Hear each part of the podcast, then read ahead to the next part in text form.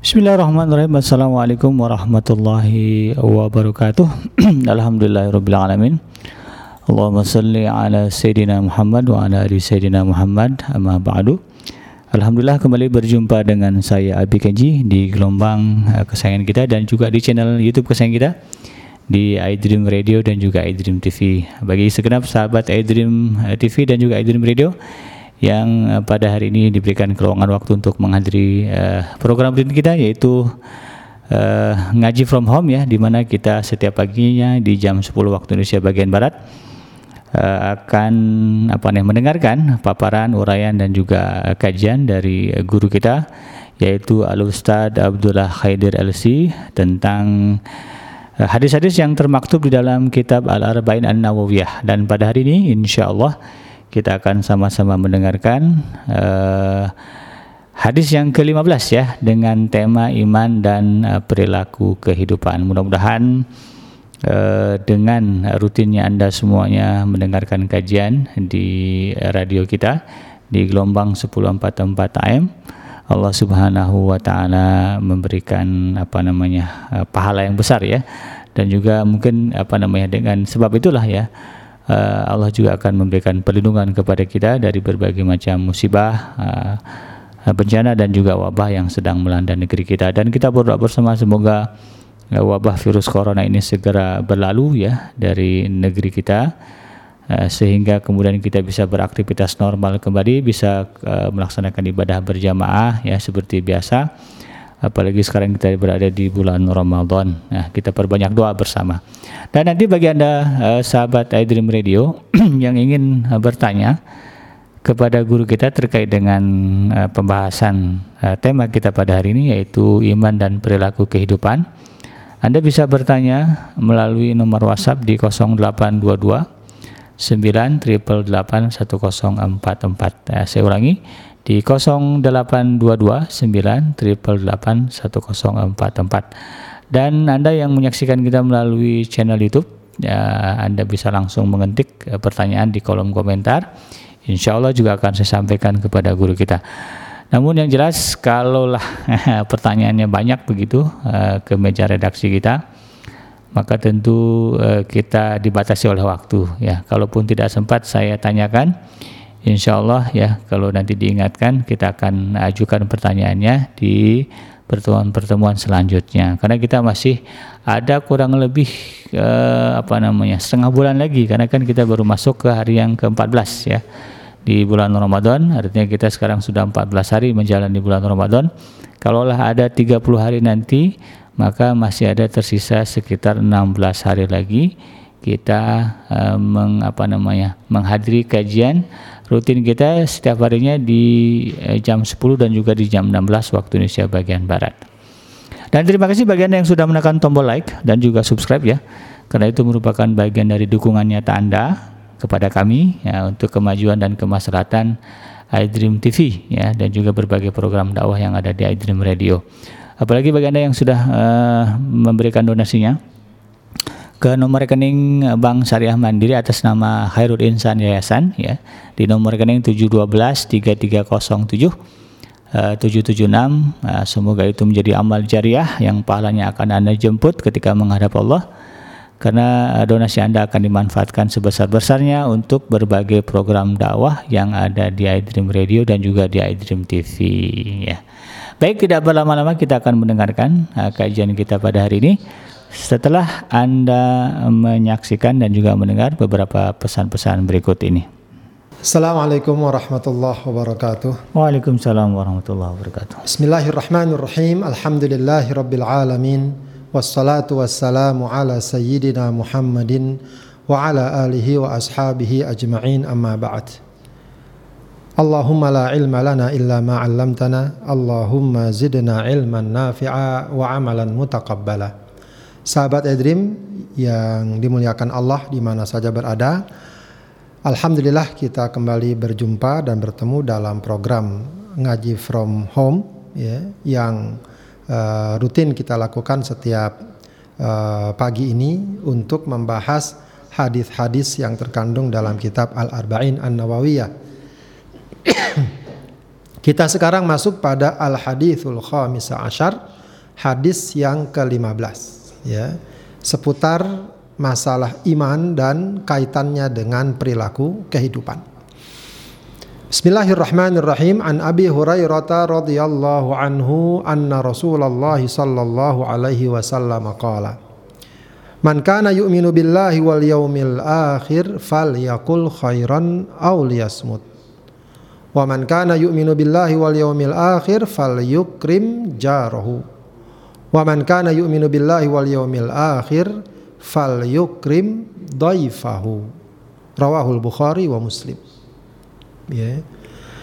An Abi Hurairah radhiyallahu an dari Abu Hurairah radhiyallahu an ya, uh, beberapa kali sudah kita jelaskan tentang uh, sirah uh, ringkas ya atau catatan singkat tentang uh, pribadi Abu Hurairah. Uh, yang jelas beliau adalah sahabat mulia, sahabat yang sangat besar jasanya khususnya dalam menyebarkan hadis-hadis Rasulullah Shallallahu alaihi wasallam. Ya. Dia berkata, ya, dari dia mengatakan bahwa sungguhnya Rasulullah Shallallahu alaihi wasallam bersabda, "Man kana yu'minu billahi wal yaumil akhir." Ya siapa yang beriman kepada Allah dan hari akhir. Nah, ini juga tentu pembahasannya sama ya seperti yang sebelumnya kita bahas yang terkait dengan keimanan la yu'minu ahadukum hatta yuhibba li akhihi. Nah, yang dimaksud iman di sini apa? Ya. Maksudnya adalah siapa yang ingin mendapatkan kesempurnaan iman. Ya, jadi ini masih kaitannya dengan kesempurnaan iman bukan dalam masalah menentukan sah tidaknya iman. Ya, sebab bisa saja hadis ini dipahami siapa yang beriman kepada Allah dan hari akhir ya berbicara yang baik. Kalau kalau bicaranya tidak baik berarti tidak beriman kepada Allah dalam arti kafir atau murtad. Tentu tidak begitu masalahnya ya. Pemahamannya tidaklah demikian demikian. Tapi pemahamannya adalah siapa yang ingin mendapatkan kesempurnaan iman kepada Allah dan hari hari akhir. Sebab sudah sering kita katakan iman sudah ada landasannya, dasar-dasarnya, rukun-rukunnya, rukun yang enam itu sudah menjadi pokok keimanan. Maka perkara-perkara berikutnya adalah penyempurna pelengkap yang dapat menyempurnakan keimanan kita. keimanan kita. Yang seandainya kurang atau tidak ada tentu mengulangi keimanan ya, dan seandainya ada ya tentu akan menyempurnakan keimanan. Dan kalau tidak ada tidak lantas membatalkan keimanan. Ya, tidak lantas membatalkan keima, keimanan. Jadi makna man kana yu'minu billahi wal yaumil akhir bukan dalam tataran sah tidaknya iman tapi dalam tataran sempurna tidaknya iman. Ya siapa yang ya sempurna imannya kepada Allah dan hari akhir, maka Rasulullah katakan fal yakul khairan au liyasmut. Ya, fal yakul khairan au liyasmut. Ya, ini lam yang terdapat dalam kata-kata fal yakul, liyasmut, fal yukrim itu namanya lamul amr. Maknanya adalah perintah. Padahal fiil setelahnya fiil mudhari yang artinya biasanya berita saja tapi karena ada lam dia seakan-akan seperti print, perintah seperti fi'il a, fi'il amr. Ya, dan uh, fi'il sesudahnya kalau dalam i'rabnya itu jazm. Ya. Fal yakul. Makanya kalau yakul ini asalnya yakulu ya, cuma karena jazm huruf ilatnya dibuang lalu dia sukun jadi fal yakul. Ya, liyasmut ya dia juga kalau seandainya tidak ada fa dibacanya kasrah li liyasmut tapi kalau ada fa dibaca sukun fal yukrim. Ya, sebagaimana orang kalau takziah kepada saudaranya ya innalillahi ma akhadha wa lahu ma ata wa wa kullu syai'in indahu li ajalin musamma fal tasbir wal tahtasib. Hmm. Hendaknya kamu sabar dan kamu berharap paha, pahala. Ya, jadi fal yukrim fal yakul hendaklah dia berbicara khairan yang ba baik. yang baik. Au yasmut. Diam. Kalau tidak dapat berbicara dengan baik, lebih baik di Diam. diam. Ya. Kemudian uh, wa man kana yu'minu billahi wal yawmil akhir falyukrim jarah. Siapa yang ingin uh, sempurna imannya kepada Allah dan hari akhir hendaknya dia menghormati tetangganya atau memuliakan tetangganya. Wa man kana yu'minu billahi wal yawmil akhir falyukrim dhaifah. Siapa yang ingin sempurna imannya kepada Allah dan hari akhir, hendaknya dia muliakan tamu tamunya. Ya, ya ini uh, sebuah hadis yang juga insya Allah cukup populer dan familiar, sering kita dengar dan insya Allah juga kita hafal ya karena juga redaksinya mudah. Dan ini tentu saja juga mengandung uh, makna yang sangat dalam. Ya, Ibnu Hajar al Asqalani rahimahullah dalam kitabnya Fathul Bari mengatakan hadza min jawami'il kalim Ya, hadis ini merupakan jawami'ul kalim. Hadis yang ringkas redaksinya tapi maknanya sangat padat. Li'annal qaula kullahu imma khairun wa imma syarrun ailun ila ahadihima. Ya karena ucapan itu seluruhnya akan kembali ke salah satu di antara keduanya baik atau buruk. Ya namanya ucapan kalau nggak baik ya Bu, ya buruk. Masuk dalam perkataan baik seluruh yang dituntut baik fardu maupun sunnah. Ya maka dibolehkan dalam berbagai bentuknya. Ya, ucapannya, redaksinya itu bebas. Yang penting dia mengandung kebaik, kebaikan, termasuk yang dapat mengarah ke sana. Adapun selain itu yang mengarah kepada yang buruk, ya, maka diperintahkan diam saat ada keinginan untuk mengutarakannya. Ya, jadi ada keinginan, ya, tapi ketika dia tahu itu buruk, maka dia tidak ucap, dia tidak ucapkan. Ya, nah. Uh, Sahabat hadirin yang dimuliakan Allah Subhanahu wa taala, hadis ini secara garis besar ya menjelaskan tentang bagian dari cabang keimanan. Ya. Karena kita tahu rukun iman 6 tapi cabang iman itu banyak. Hmm. Maka kalau dibilang rukun iman 6 bukan cuma itu-itunya saja. Iman itu banyak. Dalam satu hadis riwayat Nasai, Ibnu Hibban dan Baihaqi Rasulullah mengatakan al imanu bid'un wa sab'una syu'bah. Iman itu terdiri dari 70-an cabang ya. Bid'un itu uh, menunjukkan kata dari angka 3 sampai 9. Itu bid'un. Ya. Wa afdaluha qaulu la ilaha illallah. Yang paling utama adalah mengucapkan la ilaha illallah. Wa adnaha dan yang paling rendah adalah imatatul ada anit torik menyingkirkan gangguan rintangan dari jalan ada belingkah ada paku dari jalan lalu kita singkir singkirkan itu juga bagian dari iman itu juga cabang keimanan wal haya syu'batun minal iman haya ya rasa malu itu merupakan bagian dari dari iman ya jadi kalau disimpulkan ya, garis-garis besar ya, secara garis besar cabang keimanan ini ada tiga. Ada ti, ada tiga. Ini kalau dia dari hadis tadi, ya, yang paling tinggi apa? Afdaluha la ilaha illallah. Qaulu la ilaha illallah. Kemudian imatatul adha. Kemudian al haya itu semua uh, bukan cuma tiga itu saja, tapi itu merupakan gambaran atau contoh tentang cabang keima Iman. keimanan. Berarti cabang keimanan itu ada yang uh, kurang lebih menyangkut masalah hati. Tadi sikap malu itu kan biasanya masalah hati. Ya, kemarin kita bicara masalah cinta, masalah benci. Ya, itu juga bagian dari iman. Jangan dikira itu bagian iman. Kalau kita cinta karena Allah, benci karena Allah, maka itu pertanda iman. iman. Bahkan Rasul dalam satu sabdanya mengatakan, "Autsaku oral iman al hubbu fillah wal bughdu fillah. Ikatan atau simpul iman yang paling kuat apa? Cinta karena Allah, benci juga karena Allah. Ya, jadi kalau kita cinta kita arahkan bagaimana cinta kita karena Allah. Benci pun juga begitu, tidak selamanya benci itu buruk. Hmm. Ya, jadi nggak ada orang atau jangan sampai orang karena ingin menampilkan rasa cinta, oh tidak ada benci di hati saya. Saya tidak punya sikap benci. Mungkin bagus kalau kaitannya dengan orang ya. iya. dengan pribadi. Tapi kalau sudah kaitan dengan kemunkaran, kemaksiatan, kekufuran, maka dia harus hadirkan itu kebenci, Bencian. kebencian. Bukan mungkin bukan kepada orangnya, tapi kepada kemaksiatan, kemaksiatannya, kepada kejahatannya, kepada kezalimannya. Ya, itu namanya al-hubbu fillah wal bughdhu fillah. Dan itu masalah hati.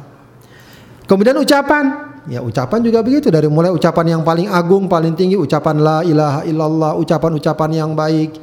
Ya zikrullah, doa-doa, tilawatul Quran atau kita omong sehari-hari bahasa-bahasa yang baik. Itu bagian dari iman. Ya. Perbuatan juga begitu. Kita nolong orang tadi ya menyingkirkan gangguan dari jalan itu juga uh, bagian dari cabang keimanan dan itu akan sangat banyak sekali. Ya. Seorang ulama Al Imam Al Baihaqi itu menyusun satu kitab yang diberi judul Syu'abul Iman, ya, cabang-cabang keima, keimanan. Di dalamnya ya beliau jelaskan dan mengutip hadis-hadis yang dikaitkan dengan cabang-cabang keima, keimanan. Itu bagus ya kitabnya kalau kita baca, kita pelajari sangat menarik. Baik, sahabatnya Dream yang dimuliakan Allah Subhanahu wa taala, hadis ini menunjukkan hubungan yang sangat erat antara iman dan akhlak. Bahkan hubungannya bukan sekedar erat tapi sangat menentukan. Iman kita ditentukan oleh akhlak kita. Akhlak kita pun ditentukan oleh iman kita. Yeah. Jadi kalau ada misalnya slogan iman yang pertama, iya, tapi akhlak juga utama. Kalau ada orang mengatakan kita yang penting akhlak, iya betul, tapi iman juga harus. Ya, ini yang selalu ingin saya katakan dalam berbagai pertemuan dan penjelasan hadis. Ya, upayakan untuk utuh dalam menerapkan dan memahami ajaran Allah, ajaran Allah. Ya, sebab di antara banyaknya sikap yang tidak benar dalam pengamalan terhadap Islam adalah ketika pemahaman dan pengamalannya tidak tidak utuh. Ya, sebagaimana sering saya katakan banyak orang yang begitu rupa sangat concern dengan masalah keimanan, masalah akidah, masalah tauhid. Jelas itu bagus. Ya, tapi dia tidak jaga sikapnya, tindak tanduknya, ucapannya yang merupakan bagian dari akhlaknya. Nah, ini e, bisa jadi akan memberikan citra negatif dan buruk bagi ajaran is bagi ajaran Islam. Tapi memang kebalikannya. Ya, ada orang yang masya Allah sikapnya, akhlaknya, perilakunya baik. Ya, baik, ucapannya sangat lembut, sangat menawan, sangat menarik, sikap sosialnya sangat bagus, tapi tidak dilandasi keimanan. Nah, bagi kita, ya mungkin saja secara sosial dia dapat apresiasi positif.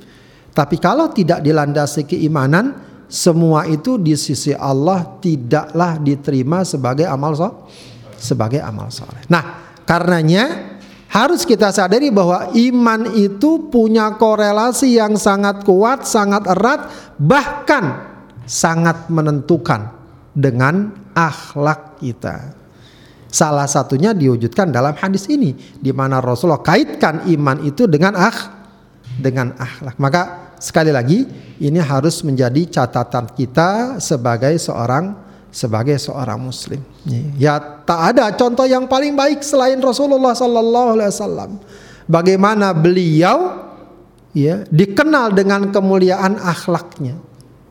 Ya, bagaimana beliau bahkan dalam Al-Qur'an dipuji Ya, karena apa?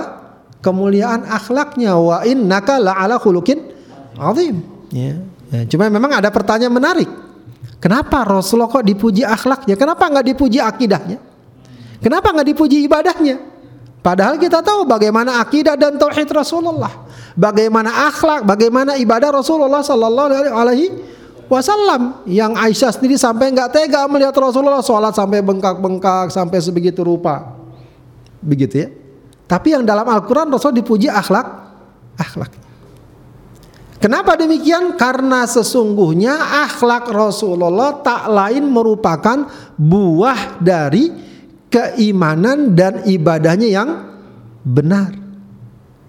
Maka ketika Rasul dipuji akhlaknya, itu tak lain merupakan pujian yang langsung atau tidak langsung kepada keimanan dan ibadah ibadahnya. Begitu. Ya. Artinya apa? Iman dan ibadah yang benar seharusnya melahirkan akhlak yang ba yang baik.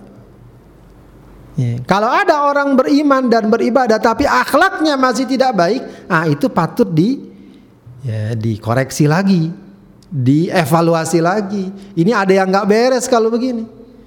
Ya. Semestinya orang kalau imannya benar, akhlak eh, ibadahnya benar, akhlaknya itu ben, benar. Itu eh, rule-nya seperti itu, tracknya seperti seperti itu. Ya. Eh, akhlak kita itu pun harus bersumber dari keimanan. Hmm. Ya. Tidak cukup bagi seorang muslim akhlak sumbernya oh karena memang di sini budayanya begini bagus, hmm. adatnya bagus dan lain sebagainya Ya tidak mengapa kalau memang itu baik. Tapi kalau hanya bersumber dari sekedar budaya, kebiasaan, adat, itu biasanya pun nggak tahan lama. Dia akan mudah sekali tergerus oleh apa? O oleh berbagai macam kemajuan, cobaan, godaan. Ya, tapi kalau akhlak tidak, dari dulu begitu. Dari dulu yang namanya akhlak, kalau makan, hmm. apa beberapa akhlak yang diajarkan? Baca doa. Baca doa. Hmm. Baca basmalah. Yeah pakai tangan kanan. Kanan. Sampai sekarang berubah nggak? Enggak. Enggak. Kenapa lah? Enggak berubah? Iya. Landasannya iman kepada Allah. Kepada Allah. Iman kepada Allah. Dari dulu yang namanya keluarga, akhlaknya itu adalah suami sebagai kepala rumah tangga, pemimpin yang berkewajiban mencari nafkah dan menafkahi keluarga. Itu akhlak. Iya.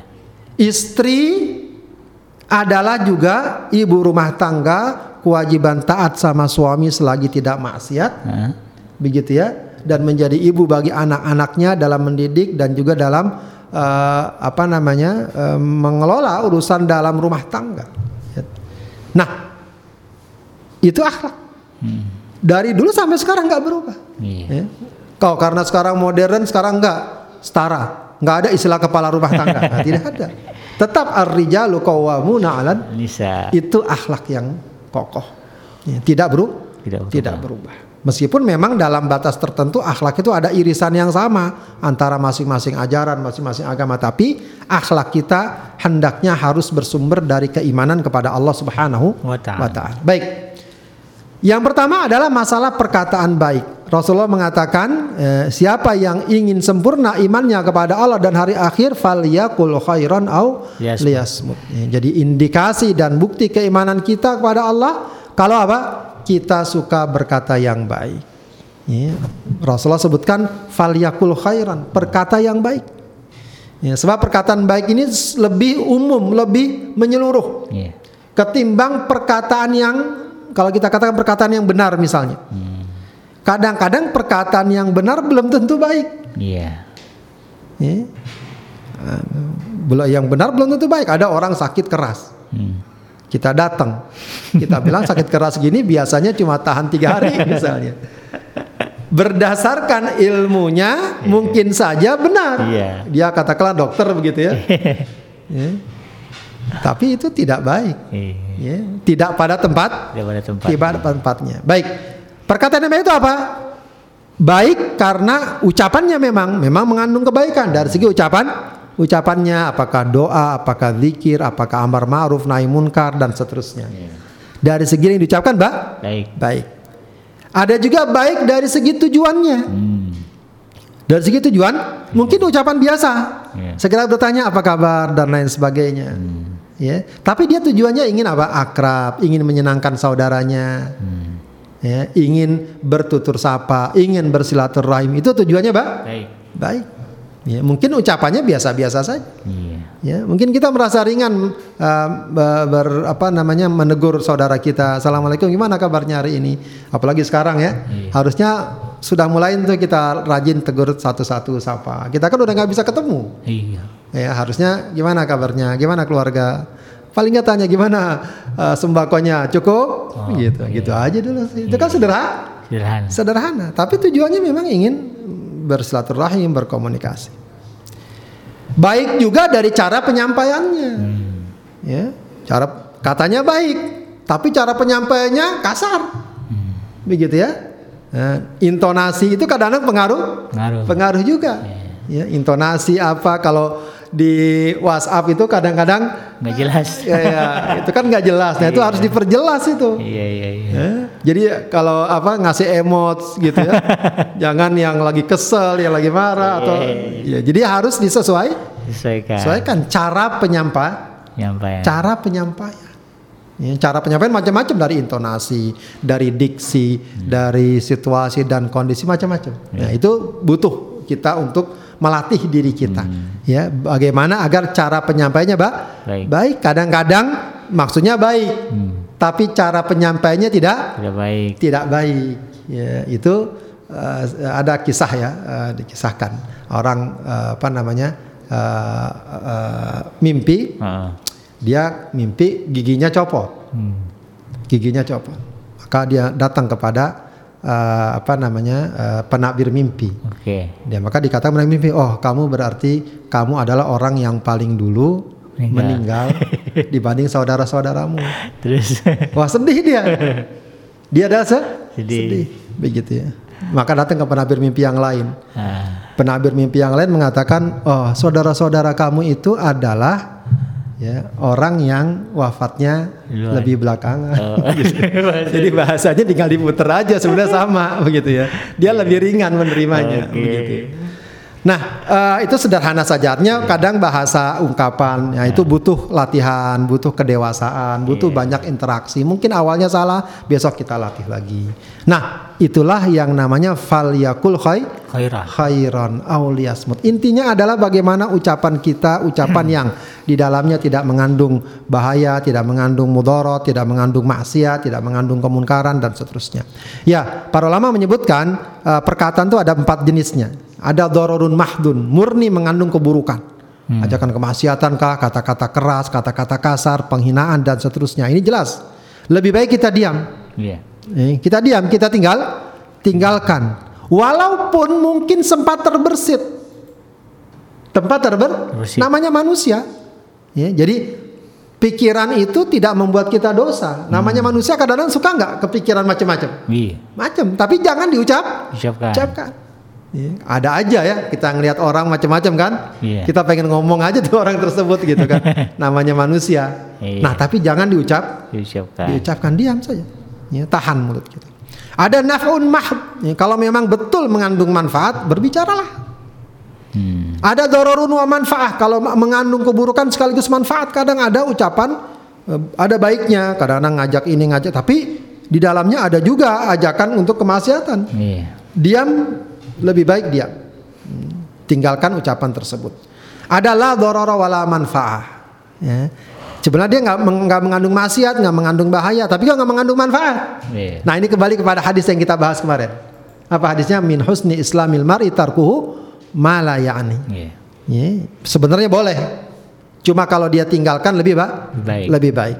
Kalau tidak mengandung bahaya keburukan tidak juga mengandung manfaat. Obrolan-obrolan biasa ya, apa namanya istilahnya kalau sekarang tuh eh, kongko dan lain sebagainya. Ya, apalagi kalau terlalu banyak mengambil wak- waktu. Sudah kita bahas pada permasalahan hadis sebelum sebelumnya. Baik dalam Al-Quran pun ya, ada ungkapan-ungkapan atau ucapan-ucapan yang Allah ajarkan. Ya pertama kaulan layinan. Ya. kaulan layinan ini ucapan yang lemah lembut.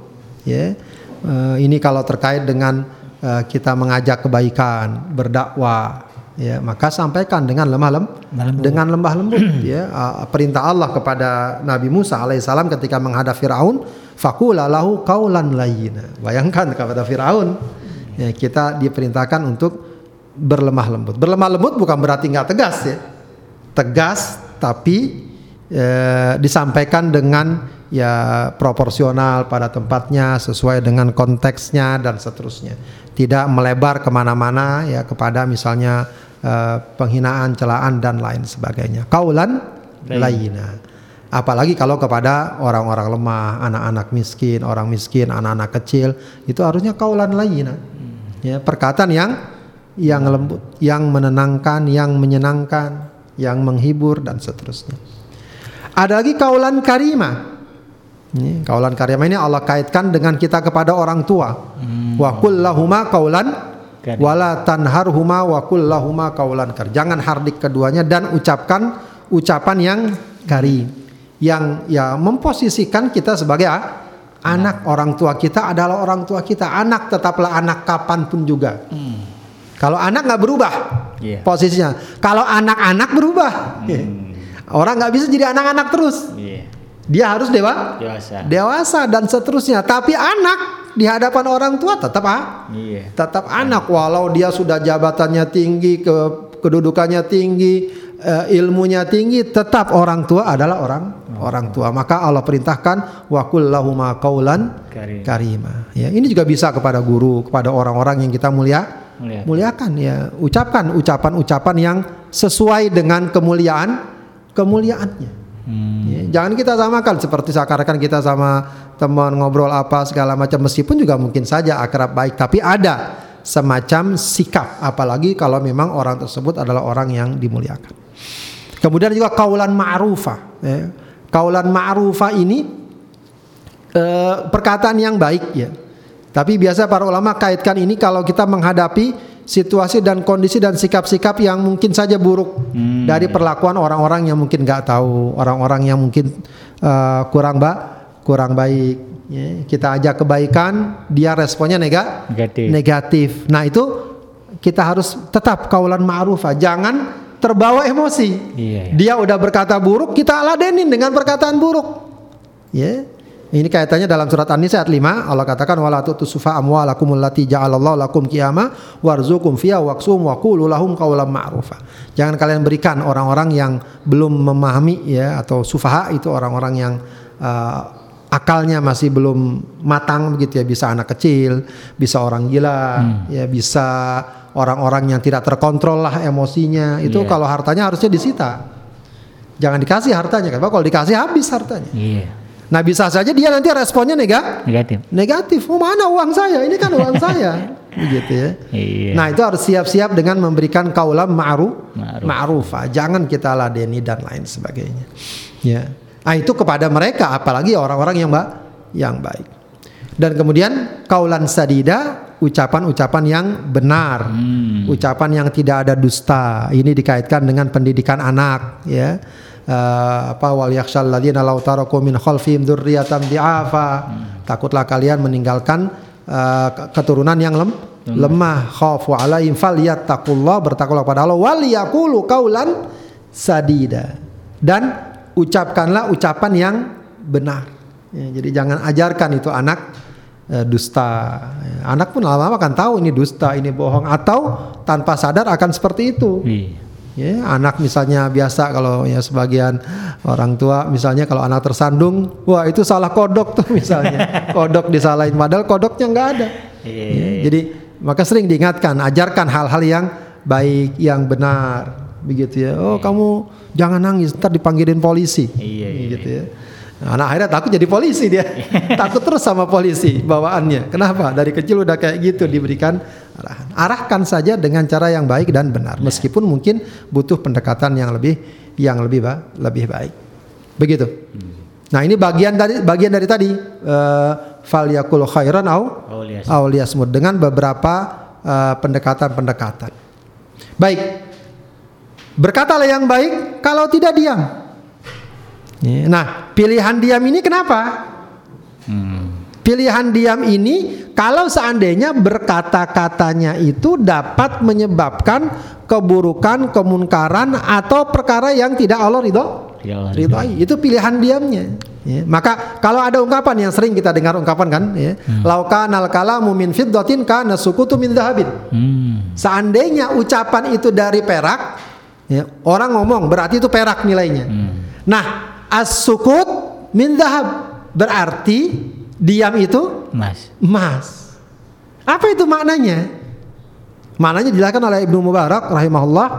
Maknanya adalah laukanal kalamu fi taatillahi min fiddah. Hmm. Seandainya ucapan dalam rangka taat kepada Allah itu adalah perak hmm. atau dianggap perak, lakana sukutu an min dhahab. Hmm. Maka diam dari maksiat kepada Allah itu merupakan emas. Ya, artinya apa? Ya, kalau dibanding-banding ya, dia berucap kebaikan, tapi dia masih berucap keburukan. Lebih baik dia diam saja, walau dia nggak berucap kebaikan. Hmm. Begitu. Walau dia nggak berucap Baik ya. kebaikan. Ini sama dengan kaidah uang kemarin. Hmm. Ya. Dia menolak seorang ulama mengatakan apa? Saya menolak satu dirham yang syubhat, apalagi haram. Iya. Ya itu lebih saya sukai daripada apa? Bersedekah dengan seribu dirham. Iya. Orang sedekah seribu dirham, Hmm. tapi dia masih ada uang haram. Hmm.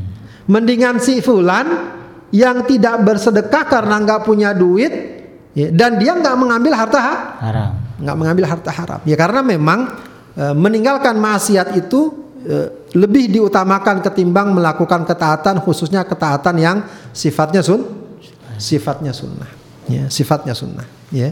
Jadi e, ini menunjukkan menggambarkan betapa diam itu kalau dia perkirakan dengan berbicara dapat mengundang maksiat, dapat mengundang celah atau permasalahan tidak baik, maka itu adalah juga perbuatan yang berpahala. Hmm. Jadi diam itu bisa berarti ibadah. Ya, bisa berarti ibadah, Ibadah. berarti ibadah. Ya. Kalau pilihannya tadi ya, lain halnya kalau seandainya seseorang memang harus berbicara karena ada kebenaran yang harus dia ungkap ungkapkan. Ya. Uh, Dhunnun, uh, uh, ini bukan Dhun al Misri, ya, Dhunnun al Misri, dia mengatakan ahsanun nas li nafsihi amlakuhum lis- lilisani. Ya. Sebaik-baik orang terhadap dirinya adalah orang yang paling mengendalikan lisannya. Maka lisannya inilah yang harus kita betul-betul jaga. Ya, Kata para ulama itu, orang kalau terpreset lisan, pala bisa hilang. kalau kepleset kaki, sebentar juga sembuh. Iya. Mending mana? Kepleset kaki apa kepleset lisan? Kaki. Jadi lisan itu meskipun kadang ringan, tapi bisa jadi masalah. Iya. Ya, gara-gara lisan ini itu betapa banyak gara-gara lisan jadi perang, jadi ribut, ya, jadi tawuran segala macam. Kalau sekarang penjara. Nah, sekarang penjara dan seterusnya lisan, Iya. ya, lisan. Ya, maka benar sekali dikatakan oleh Dunan al Misri, ahsanun nas li nafsi amlakum li lisani. Orang yang paling apa namanya?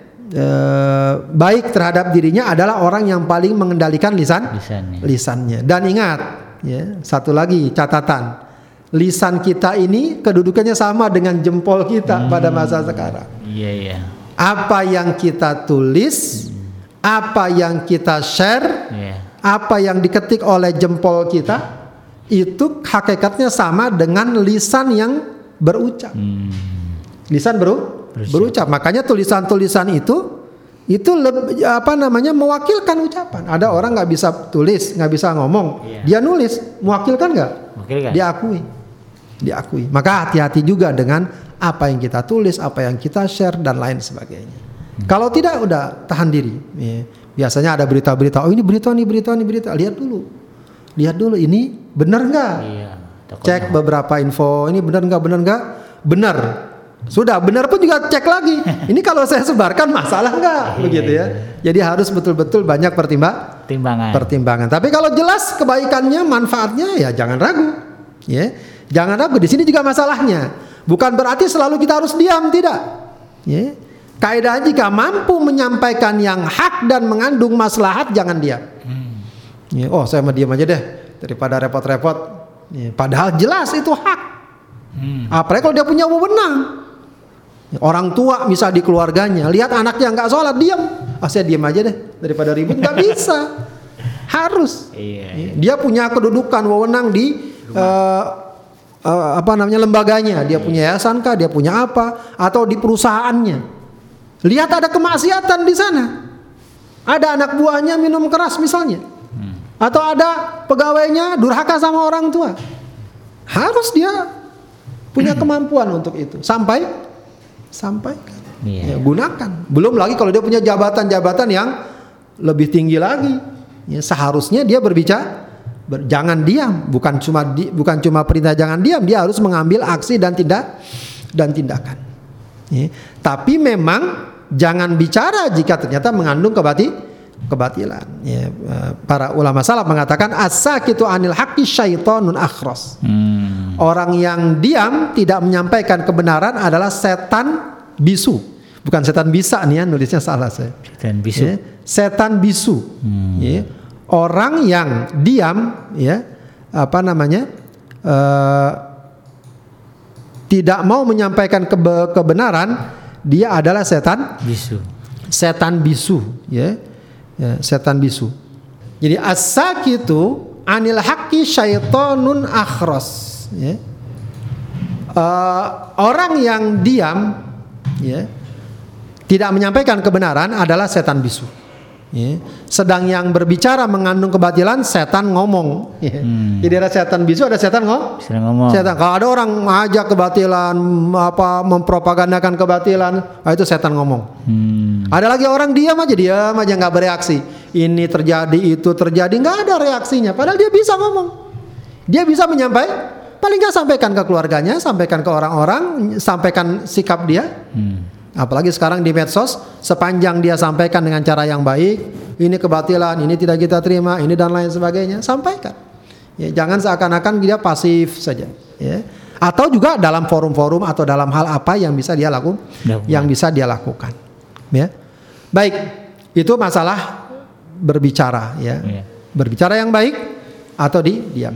Yang kedua adalah menghormati tetangga. Ini juga merupakan tanda, lambang, indikasi dan cabang keimanan. Tetangga kita, tetangga kita adalah orang-orang di sekitar kita. Ya Allah juga sudah ingatkan dalam Al-Quran. Dalam Al-Quran Allah sudah ingatkan kita untuk apa namanya eh, setelah beri, perintahkan kita untuk beribadah kepada Allah wa abudullah wa la tusyriku bi syai'an wa bil walidaini ihsana berbuat baik kepada orang tua berbakti wa bidzil qurba kepada kerabat wal yatama orang miskin wal masakin dan orang-orang miskin ya wal jaridil qurba wal jaril junub. Dan tetangga dekat atau tetangga jauh. Ya, ada yang mengatakan tetangga dekat itu kalau dia kerabat, tetangga jauh kalau bukan kerabat, tetangga dekat kalau dia muslim, tetangga jauh kalau dia bukan muslim, tetangga dekat yang nempel, yang jauh lagi ya tetangga juga. Intinya adalah kita diperintahkan untuk berbuat baik kepada tetangga. Rasulullah sallallahu alaihi wasallam mengatakan, "Mazala Jibrilu yusini bil jari hatta dhanantu annahu sayuwarithu." Hmm. Ya, Jibril itu sering ngasih nasihat wak- kepadaku, ngasih wasiat, ngasih nasihat kepadaku. Apa? Berbuat baik sama tetang Tangga. tangga. Sampai aku mengira tangga juga akan mendapatkan harta waris. Begitu ya. Sampai dia pikir nanti mungkin akan ada wahyu ketetapan kalau tetangga bisa menerima waris. Insya Allah. Saking apa? Saking seringnya Rasul diingatkan oleh malaikat Jibril untuk berbuat baik kepada tetang Tetangga. kepada tetangga. Siapakah tetangga itu? Ya, Yang cukup unik malah poin pertama nih. Ya, saya tidak belum cek lagi siapa sumber tapi cukup bagus ya. Ada yang mengatakan siapa yang sholat subuh bersama anda maka dia tetangga anda. Ya. Kenapa kok yang dikatakan sholat subuh? Kenapa nggak sholat zuhur, sholat maghrib, sholat isya? Hah? Kenapa? Karena kalau sholat zuhur, asar, maghrib itu masih ada kemungkinan yang sholat di masjid dekat rumah kita itu orang jauh dari mana-mana. Mungkin dia lewat sambil lewat lagi dagang lagi apa, eh waktu zuhur masuk dia mampir dia sholat. Bukan orang situ kemungkinan. Betul, betul. Ya, sampai sholat isya pun. Tapi kalau sholat subuh jarang-jarang orang subuh subuh keluyuran sana sini. Iya. Maka yang sholat subuh di masjid itu biasanya siapa? Tetangga. Orang di sekitar kita. Nah ini yang repotnya kalau orang sholat nggak sholat subuh di masjid, gitu. Apakah dibilang tetangga atau bukan? Gitu. ya. Ini para ulama husnuzon mereka orangnya pada sholat. Berarti yang sholat subuh itu adalah tetangga anda. Karena eh, umumnya mereka adalah orang dekat situ. Ya, karena pagi-pagi subuh gitu nggak ada jarang orang-orang keluyuran sana sih, sana sini. Ya. Kemudian Ibnu Hajar mengutip juga dalam kitab Fathul Bari dia mengatakan dari Ali bin Abi Thalib, siapa yang mendengar azan maka dia adalah tetangga. Nah, ini juga ya, wallahu alam pemahamannya azan yang memang eh, asli ya, maksudnya bukan pakai pengeras suara dan lain sebagainya. Oh, iya, iya. Sebab kalau udah pakai pengeras suara jauh sekali jangkauannya, begitu ya. Artinya eh, dalam radius sekian orang kan masih bisa dengar suara Iya. Nah, itu tetangga. Al-Imam Al-Auzai mengatakan tetangga itu adalah 40 rumah dari semua arah depan, belakang, kiri, kanan 40 rumah. Nah, itu tetang Tetangga. tetangga. Ya kurang lebih lah yang ada di sekitar kita tetangga ki. Tetangga. Tetangga kita mungkin dalam jarak radius 5 6 rumah dan seterusnya itu tetangga ki. Tetangga kita. Yang paling dekat tentu paling paling berhak. Hmm. Ya, paling ber Berhak. Paling berhak. Ya, ini yang juga harus kita perhatikan. Ada beberapa bentuk pemulihan terhadap tetangga yang diajarkan oleh para ulama. Ya, misalnya berbuat baik dengan ucapan dan perbuatan. Ya, sedapat mungkin kita berbuat ba berbuat baik. Ya, mengatasi problemnya dan memenuhi kebutuhannya. Ya, juga eh, kalau memang ada problem, ada hal, ada apa, apalagi mendesak, tiba-tiba dia sakit, tiba-tiba dia apa dan seterusnya. Nah, itu juga hendaknya eh, berperan tetangga. Jangan sampai tetangga satu sama lain tidak melihat tidak mengenal. Ini memang fenomena ya sekarang di eh, khususnya di kota-kota ya. Eh, apalagi kalau hidupnya mungkin di apartemen segala macam. Itu kan biasanya kiri kanan nggak tahu ya. Ya, tapi seharusnya diupayakan. Ya kalau memang ada upaya-upaya yang dapat menyatukan atau mengumpulkan bagus ya kalau sekarang kalau di masyarakat di ada perkumpulannya ada grup WhatsApp-nya ada apa dan lain sebagainya itu hal-hal yang cukup membantu agar kita berinteraksi dengan tetang Tetangga. dengan tetangga jadi upayakan sedapat mungkin kita juga punya awareness-nya yang baik ya Eh, peduli itu apa itu kenapa apa yang bisa dibantu dan seterusnya Hmm. ya jadi eh, penting memiliki kepekaan terhadap lingkungan seki- Kita. sekitar kemudian mendahulukan tetangga jika menjual properti ini termasuk yang diajarkan para ulama Hmm. jadi kalau kita pengen jual tanah jual rumah tanya dulu tetangga mau beli nggak nih gitu ya Hmm. Ya, kenapa? Ya, meskipun memang nanti ada kalau hak syuf'ah itu kalau memang betul-betul ada hak ya. Ya, kalau ini enggak, sebenarnya enggak ada hak syuf'ah tapi setidaknya dia kasih tahu tahu dulu tetangga. Siapa tahu dia mau beli atau mungkin dia ingin mengarahkan siapa temennya agar beli di situ sehingga dekat dengan dia. Ya jangan sampai kita jual gitu saja ternyata nanti yang beli adalah orang yang tidak disukai dengan tetangga kita. Dia jadi tersiksa kalau dengan kita mungkin dia udah cocok. Tapi dengan orang lain gimana? Begitu ya. Maka yang bagus ditawari dulu ke tetang ke tetangga. Ya. Kemudian menolongnya baik dia dizalimi atau berbuat zalim. Nah, ini kaitan dengan kemarin yang kita bahas. Iya, iya. Kalau dia dizalimi jelas kita tolong. Ya. Kalau dia berbuat zalim, kita cegah dia dari kezaliman Zaliman. Kezalimannya. Mengajarkannya dan ikut bersama hadir ke masjid dan majlis ilmu. Ya, mengajarkannya atau juga eh, mengajaknya ke majlis-majlis, majlis ilmu, ngajak kebaik, ngajak kebaikan. Berbaik sangka, berbaik sangka juga penting ya. Ya ini yang kadang-kadang sering terjadi kita lihat tetangga tahu-tahu kok beli beli mobil, beli apa segala macam. Kadang-kadang ya pikiran manusia ada saja godaan godaannya. Maka dahulukan husnudzon baik sangka. Dan juga yang paling penting tidak menyakitinya. Tidak menyakiti tetang tetangga. Ini sebenarnya perkara yang sebenarnya secara fitrah, secara manusiawi, adat budaya perkara seperti ini semestinya sudah sangat lumrah dan dipahami dan dipahami. Nah, ajaran agama menguatkan, maka ada yang disebut dengan ajaran-ajaran agama yang sesuai dengan fitrah. Ya. Untuk hal ini fitrah sudah cukup sebenarnya, tapi agama memberikan dorongan untuk tetap menghidupkan fitrah yang baik yang baik ini. Ya. Maka sampai dikatakan dalam hadis riwayat Hakim dan Maihaqi sal jironak. Hmm. Tanya tetanggamu. Fa in qalu innaka muhsin fa anta muhsin. Nah, ini bisa menjadi salah satu parameter kita. Kalau mereka bilang engkau ini orang baik, maka engkau orang baik. Wa in qalu innaka musi fa anta musi. Kalau mereka bilang oh dia mau buruk dia. Enggak benar dia orangnya. Iya. Yang ngomong itu siapa? Tetangga. Eh. Kalau orang jauh, ya apalagi zaman sekarang orang di media di mana citranya masya Allah Bagus. begitu bagus. Tapi lihat tetangganya, Iya. ketahuan semuanya. Iya. Nah itu yang harus menjadi catatan. Masya Allah ya. Jadi jangan orang merasa oh saya terkenal di mana-mana. Lalu kita dengan tetangga atau tetangga mencibir kita, nah, itu harus menjadi catatan. Hmm. Harus menjadi catat catatan. Kita ingatkan, ya, jangan sampai kita kelihatan baik di mana-mana dengan tetangga. Ya walau mungkin perkara sepele. Ya katakanlah kita parkir sembarangan, parkir di depan pintunya.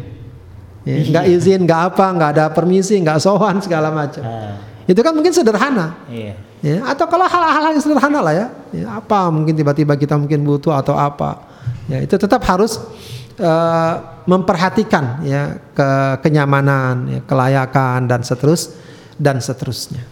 Ya. Kalau kita perhatikan Rasulullah SAW dakwahnya itu siapa yang paling pertama masuk Islam? Tak lain orang-orang dekatnya Iya. dari kerabatnya dan juga tentu tetangganya. Tetangga. Berarti memang itu bukti kebaikan beliau. Hmm. Ya, bukti kebaikan beli beliau. Rasulullah mengajarkan dalam satu hadis ya an Abi Dzar dia berkata Rasulullah bersabda ya ya Abu Dzar idza tabakhta maraqatan fa'akthir ma'aha wa ta'ahad jironak. Wahai Abu Dzar jika engkau masak gulai, masak sayur, masak apa perbanyak airnya dan perhatikan tetanggamu. Hmm. Bagi tetanggamu. Ya. Tiga jenis tetangga yang disebut para ulama ya. Tetangga muslim dan kerabat ya bukan kerabat ya, kerabat. Hmm. Nah, itu mendapat tiga hak. Hak tetangga, hak muslim, hak sebagai kerabat. Iya. Kadang-kadang ya kita suka bertetangga, ternyata saudara kita juga, entah kakak, entah paman, entah sepupu. Nah ini eh, harus kita perhatikan punya tiga hak. Iya, tetangga, Ya. muslim, Tetangga juga dia punya hak sebagai tetangga, sebagai muslim, sebagai kerabat. kerabat. Wah itu berarti besar haknya. Hmm. Ya, meskipun kadang-kadang yang tidak jarang terjadi justru ya ya biasa begitu kata orang-orang tua dulu eh, dengan kerabat itu kalau jauh harum gitu ya. Iya. Kalau dekat ya begitulah ya. namanya manusia suka ada Iya, salah iya, paham, iya. gesekan. Tapi inilah ujiannya. Kita harus berusaha. Kalaupun sempat terjadi gesekan apa, usahakan perbaiki. Jangan dibiarkan berlarut-larut. Iya. Apalagi kalau disampai udah pokoknya tujuh turunan nggak mau. Nah, itu jangan sampai. Jangan sampai diwaris Diwaris. diwariskan. Di- Kita ajarkan anak kita jangan lagi sama dia. Hmm. Padahal itu kerabatnya. Ya, maka harus itu kita kita jaga. Ya, hak kerabat itu sangat besar. Ya, meskipun memang kita tahu yang namanya gesekan lah, kesalahpahaman dengan kerabat juga besar potensinya. Di situ ujiannya. Makanya silaturahim itu nilainya sangat be- Besar. sangat besar karena ujiannya juga be- Besar. besar. Ya, kadang ada saja mungkin apakah tersinggung, apakah kita merasa tidak mendapat hak kita, apakah kita merasa ada yang dikurangi, dizolimi atau apalah. Itu sering terjadi di. terjadi. Tapi tetap kita upayakan. Ya, kita upayakan memperbaiki keada Keadaan. keadaan. Ya, walau mungkin saja ada sesuatu yang mungkin tidak kita dapatkan, tidak masalah. Ya, yang penting kita upayakan kondisinya lebih baik, Baik. lebih baik. Ya, jangan ditambah-tambah. Ya, jangan dibuat seakan-akan sudah nggak ada lagi ya, kesempatan berbuat baik dan lain sebagainya. Hmm. Kemudian ada tetangga muslim yang bukan kerabat. Dia mendapat dua hak. Hak sebagai tetangga dan hak sebagai Muslim. sebagai muslim. Bahkan tetangga kafir non muslim tetap dia punya hak. Hak sebagai tetangga. Tetangga. Tetangga tadi, tetangga ini poin-poin tadi dihormati, ditolong, apa itu punya hak sebagai mus. Muslim. Eh maaf, sebagai tetangga Tetangga. sebagai tetangga walau dia non muslim jadi tidak mengapa kita beri makanan kita bantu dan seterusnya ya itu itulah kemuliaan dari ajaran is Islam. ajaran Islam baik kita lanjutkan masalah menghormati tamu ya, tamu datang ya, ya tentu saja dapat mungkin kita sambut dengan hangat dengan senang ya kalau ada hidangan kita siapkan hidangan. Atau paling tidak mungkin air yang dapat menghilangkan dahaganya. Hidangan pun juga sesuai kemampuan. Ya nggak perlu uh, ta- tidak perlu tidak tidak terlalu apa adanya memang tapi jangan memberat-berat Iya. memberat-beratkan. Jangan perhatikan apabila mereka makan dan jangan makan terlebih dahulu sebelum tamu. Hmm. ya, jadi kalau kita sediakan ini kita liatin aja dia makan malu kan? Begitu. Ya pokoknya usahakan sewajar mungkin ya jadi kalau kita sediakan makanan makan biar tamunya dulu yang makan atau sendokkan dulu untuk tamu untuk tamunya baru kita membarengi atau membersamai melayani sendiri tamunya. Jadi upayakan sedapat mungkin kita yang melayani tamunya kita ingin mengambilkan air dan lain sebagainya. Saya dulu waktu kuliah sangat tertarik kalau datang ke ustadz-ustadz itu yang waktu itu di Jakarta ya, banyak ustadz dari Saudi dari Mesir itu kalau kita main ke rumahnya itu dia yang repot nyediain tamu nyediain air nyediain makanan segala macam ya jadi eh, itu ada sesuatu yang ya membekas dalam dalam hati kita kemudian jangan angkat makanan sebelum benar-benar selesai makan ya jadi eh, biarkan dia mungkin tamu pengen masih pengen nambah pengen jangan keburu diang Diangkat. kecuali kalau memang sudah sele- sudah selesai itu bagian-bagian dari penghormatan terhadap ta- Tamu. terhadap tamu. Baik, memang ada beberapa hukum ya. Ada eh, hukum memuliakan tamu dan menyambut tamu. Ya, dia hukumnya wajib jika tamu itu musafir dari luar kota. Oke. Itu minimal sehari semalam. Ya. Tamu datang dari luar kota segala macam. Nah, itu kita punya kewajiban sebenarnya untuk, untuk eh, menerimanya mem- eh, apa namanya mempersiapkan kalau memang dia butuh nginap kita kasih akomodasi mungkin ada kamar kita yang cukup gitu ya untuk dia kita siapkan makanannya begitu ya kalau sampai tiga hari tiga malam lebih bagus lagi tapi kalau selebihnya sedekah lah terserah ya. kalau dia merasa berat ya ya Usir. berhak mengusirnya begitu ya itu kalau dari luar kota. Iya, iya, iya. Apalagi orang biasa udah luar kota ya, ya kita merasakan betul ya. Kita kalau lagi pergi safar gitu kan, perjalanan panjang, adalah di tengah perjalanan berbagai macam gangguan, apalagi kalau bawa kendaraan segala macam, capek, letih. Biasanya kita sangat butuh. Ya, kalau kita ke hotel sih memang gampang. Bisa aja kadang-kadang kita mampir ke rumah te- teman. Itu ketika dia menyambut dengan baik, kadang-kadang di malam hari segala macam, itu sangat terasa sekali. Ya. Tentu saja kita memang tidak beringin merepotkan dan lain sebagainya, tapi kadang orang berada dalam situasi seperti seperti itu. Ya, maka dia layani walau mungkin di malam hari dan seterusnya ya. Tapi begitulah Islam mengajarkan kita untuk menghormati ta- Tamu. tamu. Ya, inilah yang dimaksud dengan adiyafatu salah satu ayam. Jadi penyambutan kepada tamu itu tiga hari. Maksudnya para ulama mengatakan ini yang sempurnanya. Wajah izatu yaumun walailah. Jadi yang khususnya adalah sehari semalam. Itu yang kemudian para ulama katakan minimal sehari semalam tuh kamu sambut, kamu rawat, kamu layani, kamu urusi segala keperluannya. Ya, apalagi kalau dia dari luar kota, apalagi kalau dari luar negeri, begitu ya. Tapi kalau dia di dalam kota, apalagi mungkin sekota, sekampung, dia mau main. Saya mau main nih. Ya bagus dari segi adab. Ya kalau dia terima bagus dan dia penuhi tadi apa namanya hak-haknya atau diberikan eh, sambutan yang baik, yang baik. Tapi dia juga berhak menolak. Iya. Kalau aduh maaf saya lagi sibuk, aduh maaf saya nggak bisa nerima. Walaupun dia udah datang. Hmm. Ya ini ini satu hal yang patut kita pahami ya adab bertamu ya. Hmm. Jadi kalau tuan rumah bilang saya nggak nerima jangan marah, itu hak dia. Itu hak di Harta. Iya. hak dia. Ya. Rumah. Sebab apa Allah katakan dalam surat An-Nur ayat 28 wa in qila lakum farji'u. kalau kamu dibilang pulanglah, ya pulang.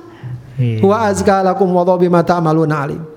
Atau mungkin yang biasanya orang tidak berani bilang gitu kan? Iya. Tapi tuan rumahnya diam, nggak nyambut ada orang ketok-ketok pintu diamin aja. Ya itu juga sebenarnya tamunya harusnya paham. Iya. Oh ini tuan rumahnya lagi nggak mau didatengin, gitu ya. Jangan ngedumel dia harusnya. Iya. Ya. Jadi masing-masing paham lah ya. Eh, tuan rumah juga mungkin kalau dia ketahuan sangat penting atau apa, walau agak capek, usahakan terima. Tapi kalau memang dia nggak pengen terima, dia punya punya hak. Ya, dia punya hak. Maka apalagi sekarang komunikasi gampang, harusnya dia paling nggak tanya dulu. Ya dari pihak yang bertamu mempertimbangkan waktu dan kesempatan tuan rumah. Iya. Paling nggak tanya saya mau main nih jam segini nggak apa-apa. Tapi kalau dia pun mendadak, ya mudah-mudahan diterima. Kalau nggak diterima, ya hak tuan rumah. Hak tuan Oh, rumah. hak tuan rumah. Kalau itu orang dekat ya, sekitar sekitar situ. Baik, ada kisah ya eh, dalam surat Az-Zariyat ayat 27 sampai 2 24 sampai 27 tentang eh, bagaimana sikap Nabi Ibrahim alaihissalam ketika kedatangan tamu. Ya, jadi ada dua malaikat yang eh, menyerupai manusia yang sebenarnya dia ditugaskan untuk apa? Untuk pergi ke kaumnya Nabi Lut untuk menyampaikan menimpakan azab kepada kaumnya Nabi Nabi Lut. Rupanya sebelum ke kaumnya Nabi Lut, dia ke Tersinggah. singgah dulu ke rumah Nabi Ibrahim. Ya, di antaranya memang untuk menyampaikan berita tentang apa? Tentang bahwa istrinya Sarah akan mengan, Mengandung. akan mengandung. Nah Nabi Ibrahim kan nggak tahu. Hmm. Yang tahu, yang dia tahu nih orang asing. Iya. Maka disambut salamun kaumun munkarun. Selamat datang orang asing ya orang yang belum diken Yang belum belum dikenal. Lalu faragha ila ahli diam-diam Nabi Ibrahim ketemuin istrinya. Ya, maksudnya apa? Ada yang bisa dimasak nggak? Tolong siapkan masakan, makanan dan seterusnya. Faja abi ijlin samin. Ya, Lalu dia setelah siap segalanya dia datang dengan membawa makanan yang eh, daging yang eh, gemuk ya, daging yang bagus begitu ya, makanan yang lezat lah. Ya. Faqarrabahu lalu dia sodorkan. Ya. Qala ala takulun. Baru kemudian dia tanya. Ya rupanya tua tamunya ini kok nggak makan? Bukan ya jelas nggak makan karena malaikat. Eh, cuma Nabi Ibrahim nggak tahu Nabi nggak nggak tahu lalu sampai dia tanya eh, kenapa kok nggak kok nggak dimakan begitu nah ini merupakan gambaran sederhana bahwa tuan rumah itu bagusnya kalau menyediakan apa-apa basa-basinya ada. Silakan makan, minum, ayo dong begitu. Iya. Didorong begitu. Jangan cuma taruh gitu aja udah. Tinggalin. Tamu kadang-kadang apalagi tamunya orangnya pakai uh ya udah nggak ditawarin diem aja begitu ya. Ya, jadi eh, basa-basi ada dan kehangatan itu ada. Ada. Baik, eh, para hadirin sekalian, eh, sahabat Adri minumkan Allah, itulah hadis yang kita bahas. Mudah-mudahan bermanfaat. Eh, saya cukupkan. Assalamualaikum warahmatullahi wabarakatuh. Waalaikumsalam warahmatullahi wabarakatuh. Alhamdulillah uh, jazakallah khair Ustaz atas segala uraian dan pembahasan yang telah disampaikan di dalam tema kita pada hari ini di hadis yang ke-15 yaitu tentang iman dan perilaku kehidupan. Uh, semoga ini bisa menjadi uh, sesuatu yang kita ambil ya pelajaran dan bisa kita aplikasikan dalam kehidupan kita sehari-hari. Apalagi memang kita kan tidak jauh dari yang namanya tetangga yang dari, dari kerabat itu semua mereka punya hak. Salah satunya adalah apa yang diuraikan di dalam hadis yang ke-15 tadi. Eh, baik sahabat dan sekalian kita langsung eh, masuk ke sesi tanya jawab. Insya Allah kurang lebih ada 30 menit ke depan yang akan eh, kita apa kita jalan ya untuk eh, mendengarkan sesi diskusi. Sudah banyak nih eh, pertanyaan ke meja redaksi kita baik di nomor WhatsApp juga di kolom komentar. Tapi saya ingatkan dulu ya, bagi Anda sahabat Edrim Radio yang ingin bertanya silakan di nomor WhatsApp di 0822 988 1044 atau di eh, kolom komentar. Insya Allah kita akan sampaikan kepada guru kita eh, apa pun bentuk pertanyaannya, insya Allah. Pertanyaan pertama Ustaz ini datangnya dari akun atas nama iSweet97. Nah, Assalamualaikum Ustaz, mau tanya. Bagaimana cara menyampaikan hal yang baik kepada keluarga atau kerabat? Terkadang suka canggung dan terkadang suka tercampur dengan kondisi emosi kita. Nah, terima kasih Ustaz, silakan. Ya, eh, menyampaikan hal yang baik eh, kepada keluarga tentu saja memang eh, perlu ada pendekatan-pendekatan ya. Eh, pendekatan yang paling penting juga kadang-kadang tidak harus selalu bersifat verbal. Artinya kita sendiri ya harus menempatkan diri ya dengan baik di tengah keluarga. Diterimalah paling nggak di tengah keluarga. Iya. Diterima dengan sikap kita, dengan perbuatan kita, dengan tindak tanduk kita, begitu ya. Eh, sehingga itu udah menjadi modal dasar. Hmm. Ya, jadi jangan sampai kita sendiri asing di tengah keluarga. Oh, begitu iya, ya. iya. Eh, nggak pernah nyapa, nggak pernah ngobrol, sekalinya ngobrol negur misalnya, ngelarang atau merintah itu meskipun ya tentu bagus ya akan tapi eh, butuh ada penerimaan penerima Penerimaan. penerimaan Rasulullah SAW ketika berdakwah itu semua udah diterima di masyarakat Iya. di masyarakat dikenal sebagai orang yang jujur, dia berpartisipasi aktif di tengah masyarakat dan seterusnya. Jadi eh, perkuat posisi kita ya eh, agar ada penerimaan di tengah masyarakat, Masyarakat. baik, di, Dan di tengah keluarga, keluarga, iya. di tengah keluarga. Nah setelah setelah itu baru kemudian kita bisa menyampaikan eh, secara proporsional apa yang eh, dapat kita sampaikan dengan bahasa yang paling ringan, paling mudah dan awali dengan perkataan eh, ajakan-ajakan yang sifatnya diterima secara umum, secara nilai. Iya. Ya, ajakan sholat, ajakan puasa, ajakan bakti sama orang tua. Iya, itu kan hal-hal yang secara nilai tidak ada masalah. Hmm. Tapi kalau udah hal-hal yang sifatnya spesifik, itu sebaiknya memang eh, kalaupun ada yang mau disampaikan ya sifatnya individu, begitu ya atau eh, priba- pribadi, begitu ya, tidak eh, secara terbuka dan seterusnya. Iya. Ya, apalagi kalau mungkin sudah masuk ranahnya apakah perdebatan, ikhtilaf segala macam, ah, itu harus lebih eh, tepat lagi ya. Jangan sampai kita misalnya melarang sesuatu atau memerintahkan sesuatu, mengharuskan sesuatu sementara itu perkara yang sebenarnya memang masih ada ruang perbedaan pendapat Dapat. perbedaan pendapat. Paling tidak kalaupun mau kita sampaikan ya bagian dari diskusi dan eh, dialog yang mungkin bisa menambah dan menguatkan pandangan satu sama la, satu sama lain. Ya. Intinya eh, usahakan memang eh, sedapat mungkin, sewajar mungkin eh, dan ya seakrab mungkin juga. Jangan menghilangkan keakraban dan kehangatan di tengah keluar Keluarga. keluarga walaupun kadang-kadang mungkin mengalami respon-respon yang ya tidak terlalu kita inginkan. Iya. Ya jadi jangan sampai karena responnya tidak terlalu kita inginkan, akhirnya kita malah menjauh dari keluarga. Iya. Nah itu yang seharusnya juga kita waspada, Waspadai. waspadai. Wallah. Baik, eh, demikiannya eh, jawaban Ustaz dari untuk akun atas nama iSweet97. Nah, mudah-mudahan bisa dipahami dan bisa diaplikasikan. Kalau keluarga tuh yang penting uh, makanan sampai dulu lah ke rumah dia, uh, baru nanti dia akan paham ya mau gimana gimana ya. Kita lanjut Ustaz ke pertanyaan berikutnya. Ini uh, dari akun atas nama Juli Adri. Assalamualaikum Ustaz. Untuk menjadi orang yang beriman uh, harus mengikuti atau menjalankan isi dalam Al-Quran.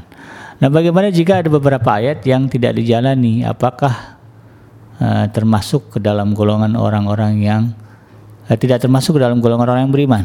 Uh, misalnya uh, kan fenomenanya ada yang tidak pakai jilbab. Nah, itu kira-kira gimana Ustaz? Baik, uh, ulama dalam sunnah wal jamaah mengatakan bahwa ya uh, keimanan itu hanya batal dengan perkara-perkara dasar. Oke. Okay. Ya, adapun kemaksiatan bahkan dosa besar sekalipun itu tidak menyebabkan seseorang keluar dari keimanan. Oke. Okay. Begitu ya bahkan ya meskipun perkara sangat berat ya dosa besar apakah mencuri apakah berzina apakah uh, termasuk misalnya seandainya orang tidak menutup aurat dan seterusnya hmm. ya jadi tidak lantas dia uh, keluar keimanannya kalau berdosa karena meninggalkan ajaran Allah dia berdosa. Yeah. tapi jangan kemudian kita gampang memfonis oh dia murtad oh dia kafir. Itu tidak boleh tidak boleh. Hmm. jadi yang membuat gugur keimanan seorang adalah perkara-perkara mendasar. Ya dia misalnya mengayam dia menyatakan keluar dari Islam kah? Atau dia mengakui ada Tuhan selain Tuhan Allah dan seterusnya? Itu bisa seperti itu. Hmm. begitu. Atau dia menolak mengingkari perkara-perkara yang memang sudah baku dan sudah pokok dalam agama yeah, yeah. mengingkari sholat wajibnya sholat mengingkari wajibnya haji dan seterusnya itu pun ya eh, labelisasi atau statusnya tidak bisa juga setiap orang menentukan. Iya. Yaitu sebagaimana kita katakan kemarin harus lewat prosedur-prosedur yang uh, formal. Iya. Ya, formal yang uh, secara hukum punya kekuatan. Hmm. Begitu ya. Adapun kita nggak bisa menentukan secara definitif si fulan kafir. Kenapa? Karena begini begini tidak. tidak Tapi bahwa perbuatan misalnya mengakui Tuhan selain Tuhan Allah, hmm. ya itu memang Jelas. dapat menyebabkan kekufuran. Iya. Ya. Jadi adapun perbuatan kemaksiatan amalia ya, apalagi orang lakukan misalnya dia tergelincir, dia khilaf, dia lupa dan dia masih mengakui syariat Allah, hmm. ya, itu bukanlah pertanda kekufuran. Kufur akbar bukan. Ya, tapi ya itu kemaksiatan. Itu bisa masuk nanti kufur asgar ya, kufur kecil yang uh, tidak menghilangkan uh, status keimanan seseorang. Hmm. Wallahu a'lam. Baik. demikian ya untuk akun atas nama Juliadri mudah-mudahan bisa difahami dan bisa di apa namanya diresap. Jadi jangan mudah kemudian mengkafirkan seseorang karena misalnya kesalahan atau tidak menjalankan uh, satu hukum dalam Al-Quran. Asal bukan yang sifatnya akidah ya. Kita lanjut Ustaz ke pertanyaan berikutnya ini. Atas uh, atas nama akun Ibu Ratna Kartika ini uh, Master nih Ustaz dari Jerman. Uh, Ustadz mau bertanya, uh, bagaimana cara menegur tetapi yang ditegurnya itu nggak mau dengar? Apakah kita diam aja ya, atau, atau kemudian kita pasrahkan kepada Allah? Karena tidak semua nasihat bisa masuk ya, daripada kemudian kita jengkel akhirnya diam. Ya, uh, jadi memang ada satu ungkapan dari para doat ya yang cukup baik ya anda tidak harus membuat orang menerima meyakini apa yang Anda ucapkan. Yang harus tuh Anda meyakini apa yang Anda ucapkan. Jadi kita ini ya, tidak harus membuat orang menjadi yakin, menjadi percaya dengan apa yang kita sampaikan. Yeah. Tapi yang kita sampaikan harusnya didasari oleh keyakinan kita. Keyakinan kita. Jadi terkait dengan ajaran Allah, ajaran Islam, kita sudah yakin dengan kebenaran ajaran ini. Yang penting kita yakin dulu. Ya, kita kita sampaikan. Masalah orang kemudian yakin atau tidak itu bukan lagi kewajiban kita. Okay. Itu memang juga bagian dari taufik minallah, ya, hmm. taufik dari Allah Subhanahu wa taala, ya. Dan tugas kita sebagaimana tugas para nabi, kalau para nabi saja ditugaskan seperti itu apalagi kita. Kata Allah wa ma alaika illal balagh. Ya, tugasmu hanya menyampai, menyampaikan. menyampaikan. Ada yang ada yang menerima alhamdulillah, ada yang menolak ya itulah ya faktanya yang terjadi yang jangankan kita Rasul dan Nabi pun ada yang menolak apa yang iya. mereka sampai sampaikan bahkan orang-orang dekatnya sekali sekalipun. Jadi uh, sekali lagi kita katakan kalau kita sudah menyampaikan ya alhamdulillah sudah cukup bagus ya mungkin uh, bolehlah kita uh, skip dulu begitu ya. Nanti lain waktu kalau ada kesempatan boleh kita ajak lagi. Apalagi kalau dia teman dekat, teman akrab itu kan biasanya juga uh, ya mungkin dengan bahasa yang uh, rileks ya bahasa hmm. ajakan, candaan segala macam diingat diingatkan lagi ya dan seterusnya ya kalaupun dia sudah pernah merasa melakukannya lalu dia diam saja mudah-mudahan itu tidak masalah sepanjang apa namanya uh, dia sudah uh, pernah menyampaikannya atau paling tidak dia sudah mengajaknya kah atau dia sudah berbuat sesuatu bagaimana agar uh, temannya atau orang yang ada di dekatnya itu uh, meninggalkan apa yang seharusnya ditinggalkan atau melakukan apa yang seharusnya dilaku yeah, yeah. dilakukan. Jadi yang jelas disampaikan dulu ya kalau nanti kemudian dia menolak dan sebagainya itu ceritanya berbeda. Uh, pertanyaan berikutnya Ustaz masih dari akun yang sama dari Bu Ratna Kartika ini terkait dengan tamu Ustaz, tapi tamunya spesial. Ini mertua yang bukan muslim. Nah, kemudian kalau dia datang ke rumah, kemudian menginap, nah, dia bukan muslim tetapi mertua kita bertamu ke rumah kita. Nah, kira-kira Ustaz, uh, pertanyaan beliau adalah uh, bagaimana uh, cara kita menyikapinya atau cara menghormatinya. Silakan. Ya. Uh, itu bisa dilihat dalam surat Luqman ya. Wa in jahadaka ala an tusyrika bima laisa laka bihi ilm fala tuti'huma wa sahibhuma fid dunya ma'rufa. Kalau keduanya memaksamu untuk berbuat syirik kepadaku apa yang kamu tidak punya ilmu di dalamnya, hmm. apa kata Allah? Fala tuti'huma. Ya, Jangan taat. taati keduanya.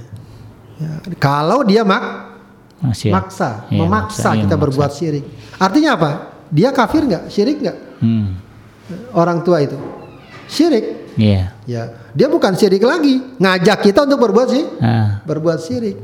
Jangan taati. Tapi apa kata Allah? Wasahibhuma fid dunya ma'rufa. Pergauli keduanya dalam urusan dunia dengan pergaulan yang ba baik. Dengan sikap yang ba baik. baik. Artinya apa? Kalau dia maksa kita berbuat syirik saja kita diperintahkan untuk, untuk mempergaulinya dengan baik padahal kita tadi diperintahkan untuk menolaknya, menolak ajakannya. Ha. Apalagi kalau misalnya orang tua atau mertua ya nggak ngajak kita gitu ya. nggak maksa kita udahlah ikut saya jadi orang ini jadi orang yeah, agama yeah, lain yeah, yeah. begitu ya Nggak dia maksa nggak? Nggak maksa kan? Enggak. Nggak maksa. Yang di, yang maksa saja disuruh untuk apa? Berbuat baik. Dipergaul untuk di berbuat baik, untuk mempergaulnya dengan ba baik. Dengan baik. Apalagi kalau nggak maksa. Hmm. Maka pergauli dengan baik, kasih pelayanan, kasih yeah. sikap terbaik dan seterusnya. Jadi uh, bahwa mereka belum mendapat hidayah, belum beriman, jangan menghalangi kita untuk berbuat baik. Masya Allah. Ya, saya ingat sekali dulu uh, waktu saya kuliah itu ada kunjungan uh, anu penyanyi yang terkenal Cat Stevens tuh. Wah, wow, Cat Stevens ya. Yusuf Islam ya. Iya, Yusuf Islam. Waktu saya kuliah di Libya itu uh, ketika itu dia ngasih ini orasi pidato ya, tentang kisahnya dengan orang tuanya, hmm. ya, dengan ibunya. Masya Allah. Ya, jadi uh, kata ketika ditanya gimana orang tua, Ya, kata dia justru ibu saya senang saya masuk Islam.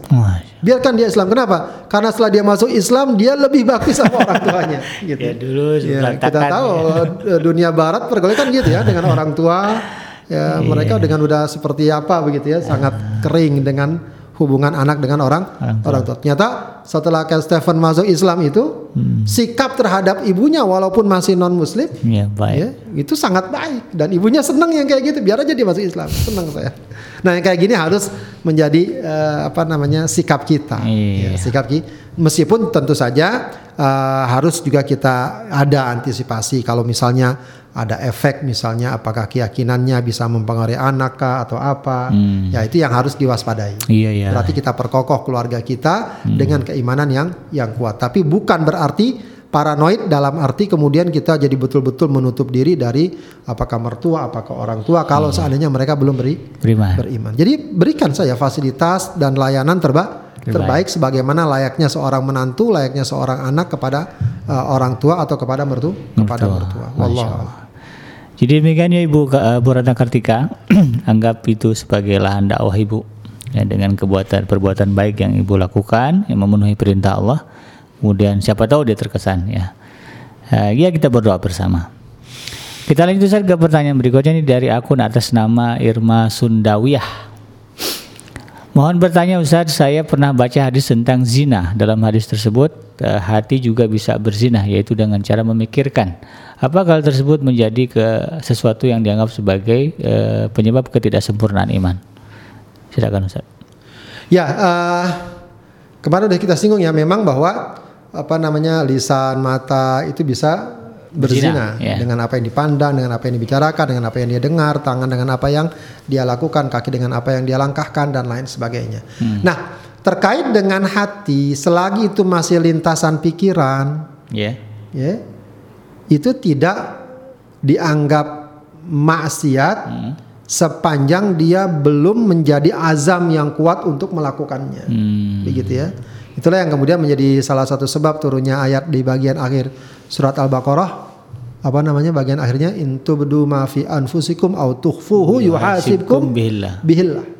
Kalau kalian perlihatkan apa yang ada dalam hati kalian hmm. atau kalian sembunyikan Allah akan hisab. Yeah. Wah, para sahabat gak Takutan. berat. Ya kalau kita memang melakukan atau mengucapkan sesuatu iya dihisap. Yeah. Tapi yang tersimpan dalam hati kita bakal dihisap. Yeah. Wah, itu berat. Sebab namanya hati ya begitu memang ya terlintas terlintas saja pikiran ini pikiran itu segala macam iya. ngelihat itu pengen ini ngelihat itu pengen itu kan iya. lintas sana kalau itu dihisap kata para saat kami nggak kuat ya Rasulullah meskipun Rasulullah bilang ucapkan sami'na wa ta'na jangan sampai seperti kaumnya Nabi Musa sami'na wa asaina akhirnya para sahabat dengan keimanannya meskipun berat mereka bilang sami'na wa ta'na hmm. karena mereka menyatakan itu Allah berikan keringat keringanan la yukallifullahu nafsan illa wus'aha. Allah tidak membebani seseorang melampaui kemampuan kemampuannya. kemampuannya. Kalau seorang disuruh untuk mengontrol hati atau men, menutup lintasan-lintasan itu nggak mungkin. Iya. Itu berat, nggak bisa. Yang bisa apa? Jangan jadikan itu ya tertanam dalam hati. Oh, iya. Artinya apa? Segera kalau ada lintasan pikiran itu segera kita singkatkan udah itu nggak benar. Ah, itu nggak baik ya itu tidak baik tidak baik tidak baik jangan kemudian malah dia terus tanam dalam hatinya terus ya lalu dia rencanakan sampai azam dihayati gitu. gitu iya kata kalau kata Imam Al Ghazali itu ya itulah fase-fase lahirnya sebuah kemaksiatan. Kenapa? Hmm. Kalau sejak awal tidak ditahan. Hmm. Jadi kalau masih dalam khotrah, bahasanya khotrah. Hmm. Khotrah itu pikiran. Yeah sebenarnya gampang ditahan. Hmm. Ya, banyak baca istighfar, astagfirullah ya nggak benar ini segala macam itu gampang. Hmm. Tapi kalau tidak ditahan, dia jadi niat. Hmm. Niat pun masih bisa ditahan atau dihilangkan. Yeah. Niat berbuat keburukan. Oh ini ada tawaran menarik nih ini ini, ini. padahal dia nggak benar nggak sesuai prosedur. Yeah. Uh, kalau niatnya dihilangkan gampang. Tapi niat pun nggak di, nggak dihilangkan. Akhirnya jadi azam jadi azam itu udah kemauan berat, kemauanku kuat. Kemauan kuat. Hmm. Nah, itu bisa menjadi dosa kalau betul-betul dia ingin laku ya, lakukan. Ya. Laku lakukan dan yang azam itu masih bisa juga lebih ringan ditinggalkan. Yang repot kalau sudah jadi perbuatan, jadi kebiasaan dan bahkan sampai dalam taraf dia menjadi orang yang berjuang untuk kebatilan. Masya Allah. Ya, maka Uh, kalau memang ada lintasan-lintasan pikiran, segera kita perbaiki diri, segera kita istighfar, segera kita uh, tutup celah tersebut, itu tidak dihisap, insya. Allah. Hmm. Kita di tidak, tidak dihisap. Kita uh, minimal kita istighfar, kita perbaiki, tidak dihisap. Wallah. Ya, jadi jangan uh, jangan dinikmati ya lintasan pikiran untuk berzina, bahaya itu. Jadi kita singkirkan, kita buang. Mudah-mudahan Allah Subhanahu Wa Taala mengampuninya. Uh, kita lanjut ke pertanyaan berikutnya.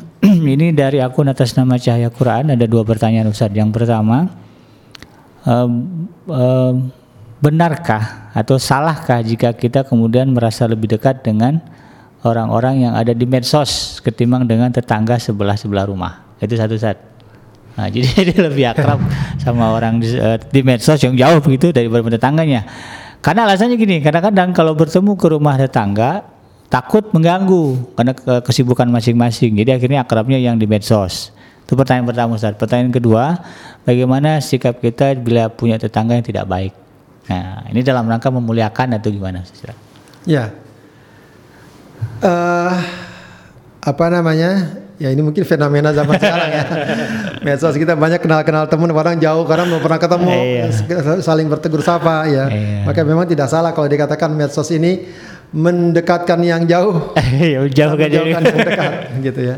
Ya eh, dalam batas tertentu tidak perlu ada dikotomi ya. Oke. Oh, jangan dekat-dekat sama orang di medsos. Kalau memang tujuannya baik, Ah. kita kenal baik selama ini kan bisa kita bisa nilai kan dari konten-kontennya, dari Iya. eh, apa namanya postingan-postingannya Iya. dan lain sebagainya dari eh, interaksinya itu kan bisa kita lihat baik. Tidak mengapa, Hmm. Iya. ya, tidak menga- mengapa memperbanyak teman-teman yang ba- Baik. yang baik. Bahkan itu bisa membuka cakrawala kita, saling memotivasi dan menguatkan dan seterusnya. Cuma memang jangan sampai akhirnya efeknya kita jadi asosial ya, jadi nggak bergaul, jadi nggak berinteraksi Iya. dan seterusnya. Paling tidak ya eh, apa namanya eh, peluang-peluang interaksi itu kita pakai, kita manfaatkan. Memang mungkin ya kalau kita datang ke rumah ke rumah ke rumah itu biasa mereka juga sibuk, mereka juga ini dan Iya. seterusnya. Paling tidak eh, momen-momen sosial itu eh, coba kita hadirkan. Yang paling gampang sebenarnya sholat berjamaah di masjid. Iya. Ya, maka hidupkan sholat berjamaah di masjid, ya paling nggak kita kenal lah tetangga-tetangga kita ya dan seterusnya. Atau juga ada momen kalau misalnya ada uh, grup WhatsApp kah atau mungkin yang biasa di masyarakat ada arisan kah dan Hmm. Iya. seterusnya. Atau ada perkumpulan-perkumpulan apakah gotong royong, apakah Hmm, halal bihalal. iya, halal bihalal dan seterusnya. Hal-hal kayak gitu juga minimal kita uh, aktif dan partisipatif di dalamnya atau mungkin ada yang sedang uh, walimah atau yang sedang sedih meninggal dunia nah itu sedapat mungkin kita ha- kita Ya, ya, Ya, jangan ya. sampai uh, uh, absen dari momen-momen seperti seperti itu ya, ya. jadi insya Allah dari sini nanti akan bisa kita mulai uh, sedikit banyak me- me- mengagendakan program-program yang posi yang Positif. positif wallahu a'lam Kayak yang tadi kalau punya tetangga yang tidak baik gimana? Ya, Sikap kita seharusnya. ya tetap kita diperintahkan berbuat baik. Ya, kan kaidah sebagaimana kita katakan irfa billati ya ahsan. fa idza kana bainaka wa bainal ladzi fa idza kana bainah bainahu uh, bainaka wa bainahu adawah ka'annahu waliyyun hamid. Iya. Ya. Boleh jadi eh, dengan eh, sikap baik kita itu yang tadinya ada permusuhan di antara kedua pihak menjadi teman yang sangat de- Dekat. sangat dekat. Ya ini memang butuh ketabahan, kesabaran dan pensikapan yang ba yang baik. Khususnya kalau sekedar masalah-masalah yang mungkin sepele ya, hal-hal yang sifatnya mungkin eh, pribadi dan seterusnya usahakan. Tapi kalau memang masa sudah mengancam kehormatan, kayak itu lain penyikapannya tentu Iya, saja. itu polisi Ah, urusannya. apakah ambil tindakan keamanan kah atau apa dan seterusnya. Begitu. Tapi kalau hal-hal yang kadang-kadang apakah mungkin eh, Parkir, parkir, parkir ya tidak mengapa kita klarifikasi tapi Iya. tetap dengan bahasa yang ba Baik. yang baik dan tetap dengan upaya untuk berbuat ba Berbuat baik. Jadi eh, boleh jadi ada kesalahpahaman ya eh, dan seterusnya ya atau misalnya eh, tetangga nyetel TV keras-keras Iya. atau suara keras-keras bisa jadi pendengarannya memang kurang ya. pendengarannya memang memang kurang dan seterusnya Oh, itu dibeli dibeliin headphone apa? Headphone ya jadi memang harus juga memahami juga Iya. memahami eh, kondisi tetangga apa permasalahan siapa tahu Oh. ada latar belakang yang patut juga kita paham Pahami. yang patut kita pahami ya Baik. a'lam. Ya, demikian ya untuk akun atas nama Cahaya Quran. Nah, mudah-mudahan bisa dipahami dan saya berdoa lah. Mudah-mudahan urusan parkir dengan tetangga Anda eh, bisa selesai. Kita lanjut Ustaz, ke pertanyaan berikutnya. Ini dari akun atas nama siapa ini? Eh, Teguh Prayogi Ustaz. Kalau tadi kan tetangga yang tidak baik, ini tetangga ini pertanyaan gini Ustaz. Ustaz mau nanya, kalau kita udah coba berbuat baik kepada tetangga, tetapi tetangga tidak membalas kebaikan kita. Misalnya biasanya kita ngasih durian, kok nggak ngasih lagi ke kita. nah, apakah salah jika kemudian kita eh, bersikap biasa-biasa aja atau datar aja kepada tetangga itu? Silakan. Dia nggak dia nggak sebenarnya nggak berbuat buruk Enggak, dia jadi gini, berbuat baik, tapi kok ditunggu-tunggu nggak ada balasannya. gitu. Terus abis itu udah dah biasa aja gitu. Dah kira-kira gimana ya seharusnya tidak begitu sebaiknya tidak begitu Oke. Ya, artinya kalau itu kita masih mengharap imbalan berarti kan Ah, iya, iya, langsung atau tidak lang Tidak atau tidak langsung tidak mengapa ya tidak mengapa ya bahkan walaupun dia berbuat buruk Iya. tetap Kita harus buat baik. sedapat mungkin selagi yang memang itu merupakan hak dasar tetangga lakukan. Misalnya, Hmm. ya eh, dia kita undang ke rumah kita acara kita dia nggak datang. Hmm. Tiba-tiba dia ngundang kita, ya datang saja. Jangan dibales. Jangan dibales begitu ya. Atau apalah begitu ya dia nggak pernah nyapa kita, ya kita nyapa ya sebaiknya. Iya. Ya. Toh juga nggak merugikan kita. Iya. Ya kalaupun ada yang rugikan dia yang ru- Rugi. dia yang rugi. Ya, jadi eh, sedapat mungkin ya, apa namanya perlakukan dengan sebaik mungkin. Sebaik mungkin. Sebaik mungkin. Siap. Perkara dia masih belum memberikan respon-respon yang positif, ya eh, maka eh, biarkan itu sebagai bagian dari ujian kita. Siapa tahu ya dengan kebaikan yang ya, kita lakukan secara terus-menerus Iya. akan sedikit banyak meluluhkan hati Hatinya. hatinya. Ya. Dan ini ujian keikhlasan juga ya. Iya, betul Ustaz. Ya, jangan sampai kita bagi orang nunggu ya, balasannya apa begitu Iya. ya. Eh, kita ngirim orang kue pakai piring, balasnya piringnya kosong. Alhamdulillah jangan kemudian lah kok kosong gitu ya. Masih mending kalau nggak balik lagi repot. Balik lagi. Ya jadi hal kayak gitu emang patut melatih kita latih diri kita Iya, iya, ya, siap, keikhlasan dan ketulusan dalam berinteraksi. Demikian ya aku dari nama eh, Teguh uh, Prayogi ya, yang kita pikirkan itu kesempurnaan iman kita, bukan kesempurnaan iman tetangga kita. Jadi kita tetap berbuat baik walaupun tidak ada balasannya. Uh, masih ada pertanyaan Ata- di atas akun atas nama Lismawati Muyasyarah. ini terkait dengan ini Ustaz, uh, falyakul khairan aw liyasmut. Ustaz mau tanya kalau cerewet, nah ini nih cerewet dan agak marah-marah ke anak-anak nih kalau susah diajak sholat dan ngaji itu gimana Ustaz? Termasuk gak tuh falyakul? Khairan ya. Ya walau alam ini kalau memang tujuannya memang baik ngajak ngaji atau apa masih bagus lah ya. Iya, iya. Tinggal barangkali ya ya latih juga kalau sampai nanti membuat suasana jadi keruh dan lain sebagainya. Kalau Iya. itu sih saya kira cukup bagus malah.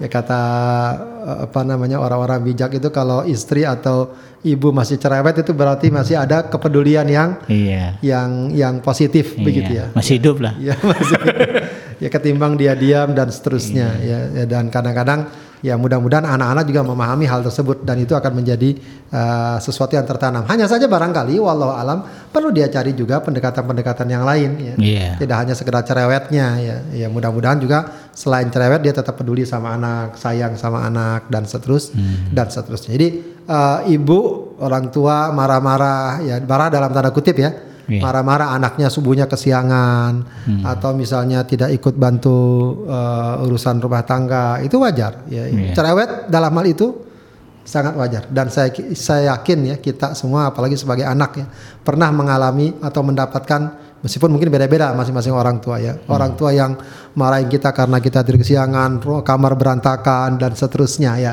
Nah itu uh, sesuatu yang sebenarnya bagian dari uh, apa ya kehidupan kita yang yang akan memberikan pengaruh bagi kehidupan Iya. bagi kehidupan kita. Ketika anak menyadari betul betapa cerewetnya ibunya soal sholat, nah itu biasanya akan betul-betul tertanam dalam dirinya untuk jangan sampai menyepelekan dan menyanyikan menyia-nyiakan masalah so Iya. sholat. Sholat, Karena dia tahu tiap hari dibangunin, diomelin, karena kesiangan. Coba kalau saya ibunya diam saja, anaknya kesiangan Eh, atau apa diam, ya sudah. Lama kelamaan ya apa namanya Jadi habit. eh, jadi habit dan dia terbiasa meskipun eh, patut ya pada zaman sekarang ini juga karena banyak tuh ya kajian-kajian parenting itu Iya. patut juga mungkin dipelajari ya kalau saya secara pribadi secara psikologi itu eh, apa namanya tidak terlalu mendalami ya bagaimana pendekatan-pendekatan yang ada sebab dikatakan eh, pendidikan yang kita terima dari orang tua kita cara ya pendidikan yang kita terima dari orang tua kita tidak serta merta dapat kita terapkan kepada anak kita pada Iya. zaman sekarang.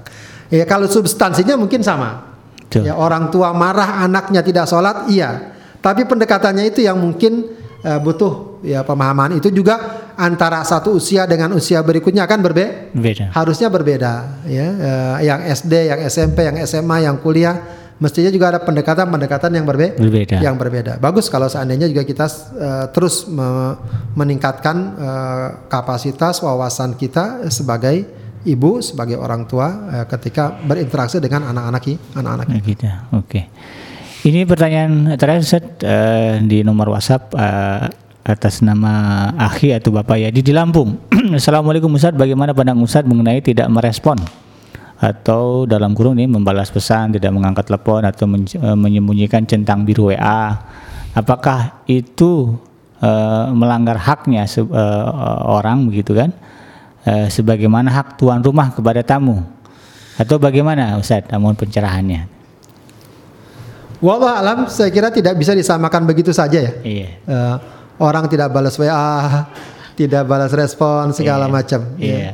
Eh, itu masalah apa? Sebagian masalah moral, masalah apa istilahnya ya tidak bisa disamaratakan lah ya. ah, Artinya jangan sampai kalau kita WhatsApp kemudian tidak balas langsung kita suzon. iya Kan bisa jadi ya, maaf saya juga secara pribadi kadang suka lupa.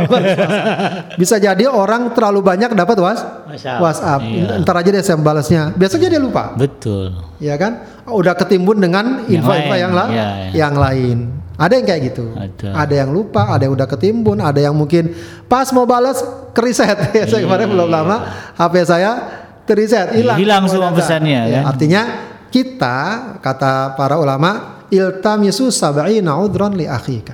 Oke. Ya, cari 70 udur untuk saudaramu Masya agar kamu tidak apa suudzon atau menduga-duga yang bu yang bukan bukan yang bukan-bukan. Mungkin kita perlu lagi kirim sekali lagi. Ya kadang saya juga sering dapat WhatsApp, Pak Ustadz ini belum dijawab misalnya. Baru saya jawab segala macam. Kayak kayak gitu Iya. eh, penting juga eh, diingatkan. Itu juga menunjukkan oh berarti ini yang nanya serius ya. Iya. Maka dia perlu perhatikan seri eh, serius begitu. Ya perlu nggak apa-apa dengan ini. Ya eh, dengan me- mengulang lagi kirimannya mungkin lupa, mungkin terhapus, mungkin apa dan apa kita nggak tahu. Dari pihak kita yang menerima pun jangan juga eh, ah ini eh, saya nggak jawab ah malas misalnya. Tidak juga. Iya. Harusnya juga memang ada kepedulian. Iya. Ya walau sekedar iya kasih jempol yes atau apa gitu insya Allah itu juga sekedar ngasih jawaban bagus. Ya, ya, apalagi kalau orang minta janji, Pak ini gimana besok ya kita nggak jawab janji baru besok kita jawab. Padahal dia mungkin udah merubah agendanya udah lain Iya, sebagainya. Ya kalau memang masih bisa segera dijawab segera dijawab. Jawab. Apalagi orang-orang yang memang ada interaksi, ada kenal dan lain sebagainya. Ya, jadi eh, eh, apa namanya? Itu tidak disamakan begitu saja dengan orang bertamu. Orang bertamu pun kalau kita nggak siap kita tolak nggak apa-apa. Ya, apalagi cuma sekedar memberikan was WhatsApp.